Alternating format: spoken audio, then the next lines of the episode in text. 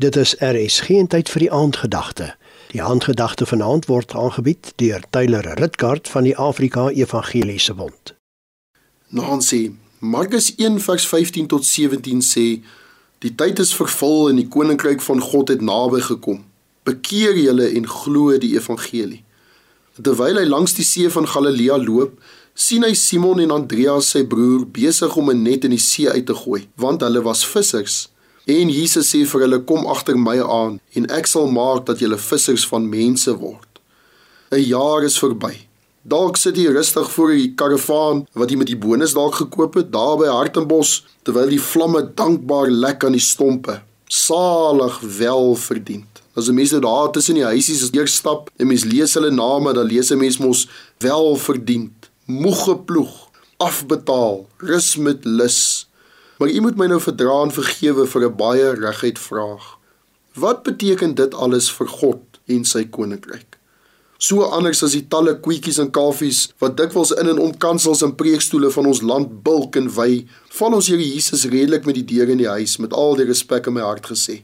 Die tyd is vervul en die koninkryk van God het naby gekom. Bekeer julle en glo die evangelie. Dis 'n dringende en ernstige boodskap. Ons Here Jesus het nie hier met die manne onderhandel oor 'n koopprys vir hulle visvangbesigheid nie. Hy het nie beleggingsmoontlikhede of silent partners voorgestel nie. Hy het hulle gevra om dringend als te los vir 'n dringende saak. En soos ons dikwels die evangelie van Markus lees, lees ons daai woorde en dadelik het hulle hulle nette laat staan en hom gevolg. Wat het u hierdie afgelope jaar vir God beteken? Wat het u vir hom gedoen? Wat het u vir hom opgeoffer? Die eerste voltydse AIB werker was 'n jong man genaamd Leonard Messenger. Hy is na Skotland gestuur vir teologiese opleiding voor hy as 'n AIB werker hier in Suid-Afrika aangemeld het. In daardie jaar het hy 22 reekse evangeliese dienste gehou op verskillende plekke, benewens 'n klomp konferensies vir gelowiges ook nog. En toe skielik na net een volle jaar in die Here se diens, sterf hy tragies in 'n treinongeluk daar in Wynberg in Kaapstad. Oor sy lewe het FB Meyer die volgende geskryf: Hy het uitgeblink onder ons studente, ywerig in die verkondiging van die evangelie, lewendig, opgeruimd, nooit oppervlakkig nie, vlytig, gewillig. En ek is glad nie verbaas oor die sukses wat met sy arbeid in Suid-Afrika gepaard gegaan het nie. 'n Jaar van siele en seën. Dalk 'n uitdaging vir ons vir die nuwe jaar wat voorlê. En miskien 'n gebed, Here, gee my een so 'n jaar om vir U te arbei.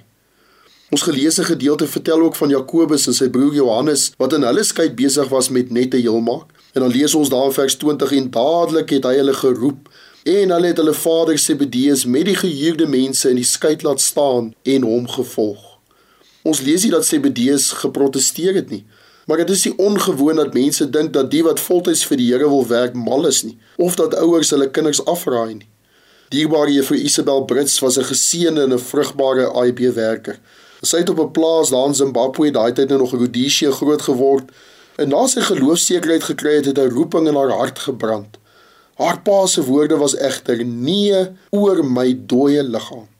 Bykans 10 jaar later, steeds op die plaas onderworpe aan haar pa, kom die oom blykbaar eendag nie terug uit die landerye uit nie. Sy het hom gaan soek en sy vind sy dooie liggaam daar tussen die oes. En toe sy so oor hom tree om te kyk of hy nog asemhaal, toe onthou sy sy woorde oor my dooie liggaam. En toe weet sy die deur is oop, sy kan maar gaan en het sy nie gearbei in die tyd wat oor was nie. Kom agter my aan, sê die Here Jesus. Dalk moet ons vanaand daar langs die kampstoel of die rusbank kniel en sê Here, ek sal gaan net waar U lei. Maar gee vir my genade om te gaan en 'n visser van mense te wees. Amen. Jy het geluister na die aandgedagte hier op RSG, aangebied deur Tyler Ritgard van die Afrika Evangeliese Bond.